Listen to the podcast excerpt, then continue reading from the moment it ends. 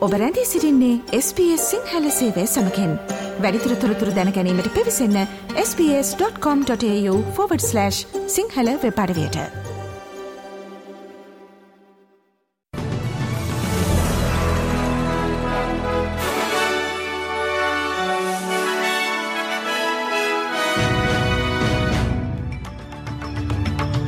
අද ඔක්තෝම්බර් මස දහවනදා SBS සිංහල සේවේ ප්‍රෘතිගෙනන මම දිනේශා දිල්රුක්ෂී විජේසූරිය.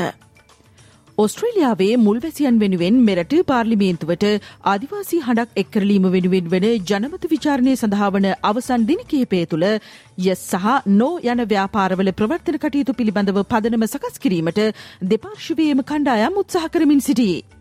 එහිදී නෝ ව්‍යාපාරය තවමත් ඉතා ඉදිරියෙන් සිටින බව නවතම මතවිමසුම්වලින් පෙන්නුම් කරායේ. මේ පිළිබඳ වැඩිදුර තොරතුරු අද අපගේ දවසේ කාලීන තොරතුරු විග්‍රහයෙන් බලාපොරොත්තු වන්න. නිවසෞත්වේල්ස් ප්‍රාන්තයේ රජයේ දවිතිවික පාසල්වල සිසුන්ට පාසල් කාලය තුළදී ජංගම දුරකතන භාවිතය තහනම් කරලීමේ වැඩසටහන ඊයේ සිට ඇරඹුඩු හතරවන වාරයේ පළමුදිනයේ සිට ක්‍රියාත්මක බව ප්‍රාන්ත අධ්‍යාපනාංශය සඳහන් කරයි. ඒ අනුව පාසල් වේලාව තුළ ජංගම දුරකතර තහනම් කිරීම බලාත්මක කිරීමේ වැඩසටහන් සඳහා නිවසෞත්වේල්ස් ප්‍රාන්තයේ රජයේ ප්‍රාථමික පාසල් සමඟ ද්විතීක පාසල්ද ඊයේ සිට එක්විය. මේ වන විටත් වික්ටෝරයා තස්මේනියා දකුණ ඔස්ට්‍රේලයා නෝතන ටෙරටරි සහ බටහි රෝස්ට්‍රේලියාවේ රජයේ පාසල්වල ජංගම දුරකතන භාවිතය තහනම් කොට ඇති අතර කුයින්ස්ලන්ත ප්‍රාන්තය ලබන වසරේ සිට මේ සඳහා එක්වීමට නියමිතායේ.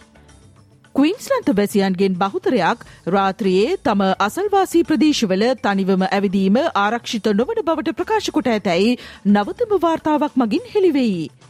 ක්වීන්ස්ලන්ත වැසියන්ගෙන් සියයට පනස්ස එකයි දශම පහකට රාත්‍රයේ තම අසල්වෙසි ප්‍රදේශවල තනිවම සංචාරය ආරක්ෂිත නොවන බවට ප්‍රකාශකොට ඇති බව ක්වීන්ස්ලන්ත පොලිසේවේ වාර්ෂික වාර්තාව හෙළිදරව් කොට තිබේ. මෙම දත්ත වසර දෙදහස් දහට දෙදහස් දහනවේ යන කාල හා සසදීමේදී සියයට පහක පමණ අඩුවීමක් බවද සඳහන්.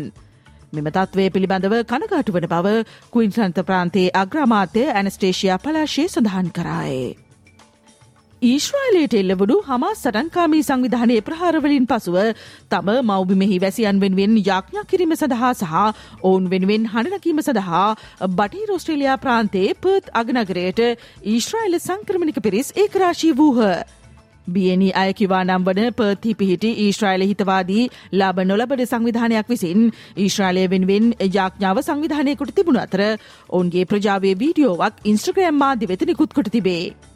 පසුගිය සෙනසුරාදා දකුණු ඊශ්‍රයිලයේ සිද වූ සිදුවීම්වල ඡායාරූප සමූල ඝාතනයක් සීපත් කරන බව ඔස්ට්‍රේලියාවේ ඊශ්‍රයිල නියෝජ්‍ය තානාපති ක්‍රිස්ටියන් කැන්ට සඳහන් කොට සිටියේය. These are really difficult times. It's, it's something that we have not confronted. I mean, the images that people have in their mind when they're talking about the events in southern Israel uh, go back to the Holocaust. මේ අතර ඊයේ සිඩ් නකරේ වීදිවල ගමන් කළ පලස්තීන ආධාරකරුවන් ඉතිහාසේ සිටම ඊශ්‍රායිලය පලස්තීනුවන්ට දක්වන ඓතිහාසික සැලකීම පිළිබඳව විමසන ලෙසට ඔස්ට්‍රේලියානු රජයෙන් ඉල්ලා සිටිමින් උද්ඝෝෂණයක නිරත වූහ. එහිදී එක් ආධාරකරුවෙකු SBS ප්‍රෘතිසේවයට පවසා සිටියේ අගමැති ඇන්තනි ඇල්බනීසි හට කතාවේ පලස්තීන පැත්ත මගහැරී ඇති බවට තමා විශ්වාස කරන බවයි. What we are here is just to speak loudly. We are in full support for the Palestinians for their legitimate right to resist the occupation. And I personally condemn, and a lot of our community condemn the statement made by our Prime Minister Anthony Albanese to condemn the Palestinian attack against Israel, whereas he should have condemned the Israeli daily attack on the Palestinians in the occupied territories. Israel පලස්තීන ප්‍රචණ්ඩ ක්‍රියාවලට හසු වූ ඔස්ට්‍රේලියයානුවන් පිළිබඳව තවමත් කිසිදු තොරතුරක් නොමැති බව විදේශමාත්‍යය පෙනී වොං සඳහන් කරායේ.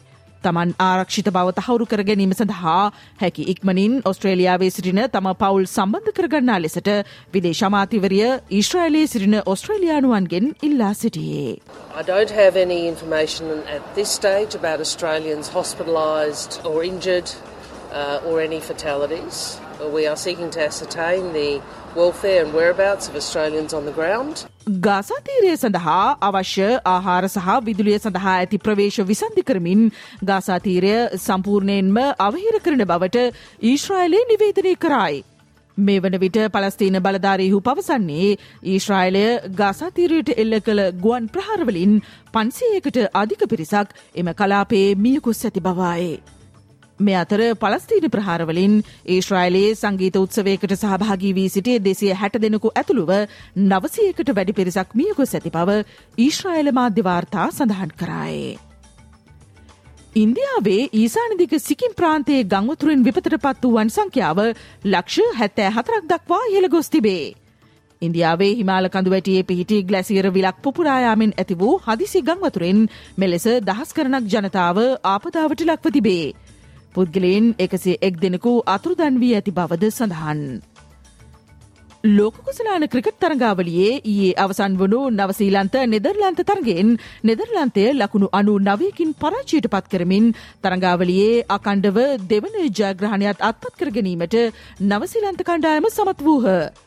මුලින්ම පන්දුවට පහරදුන් නවසීලන්තය කඩ්ලු හතකට ලකුණු තුන්සිය විසි දෙකක් ලබාගත්තේය. පිළිතුරීනම ක්‍රීඩා කර නෙදරලන්තයට ඕවර හතලිස් හය පන්දු තුනකදී සියලු දෙනාම දැවී ලබා ගැනීමට හැකිවූයේ ලකුණු දෙසිය විසිතුරක් පමණේ. ලෝකුසලාන ක්‍රිකට් තරංගාවලියේ ශ්‍රී ලංකාව මුහුණ දෙන දෙවනි තරගය අද පාකිස්ානයට එරහිව පැවැත්වේ. තරගේ හයිදරාබාද් රජීව ගාන්ධ ක්‍රීඩාංගනයේදී ඉන්දිය වේලාවෙන් පසොරු දෙකට එනම් ඔස්ට්‍රේලයානු නැගෙනහිර දිවා සම්මත වේලාවෙන් රාත්‍රී හතයිතිහට ආරම්භ වේ. අද තරගයට මහිෂ්තීක්ෂණ සහභාගී වන බවට වාර්තාවේ. ලෝකුසලාන ක්‍රිකට් තරගාවලියේ කණ්ඩායම් දෙකම මේ දක්වා එක් තරගේ බැගින් ක්‍රඩාකොට තිබේ. පාකිස්ානය විසින් නෙදර්ලන්තය පරාජයකොට ජයග්‍රහණය අත්පත් කොටගෙන ඇති අතර ශ්‍රී ලංකා කණ්ඩායම දකුණු අප්‍රිකා පිළ හමුවේ පරාජයට පත් වූහ. ශ්‍රී ලංකාවෙන් වාර්තාවන ප්‍රවෘති අද මෞබමින් පුවත් විශෂාන්ගෙන් බලාපොරොත්තු වන්න.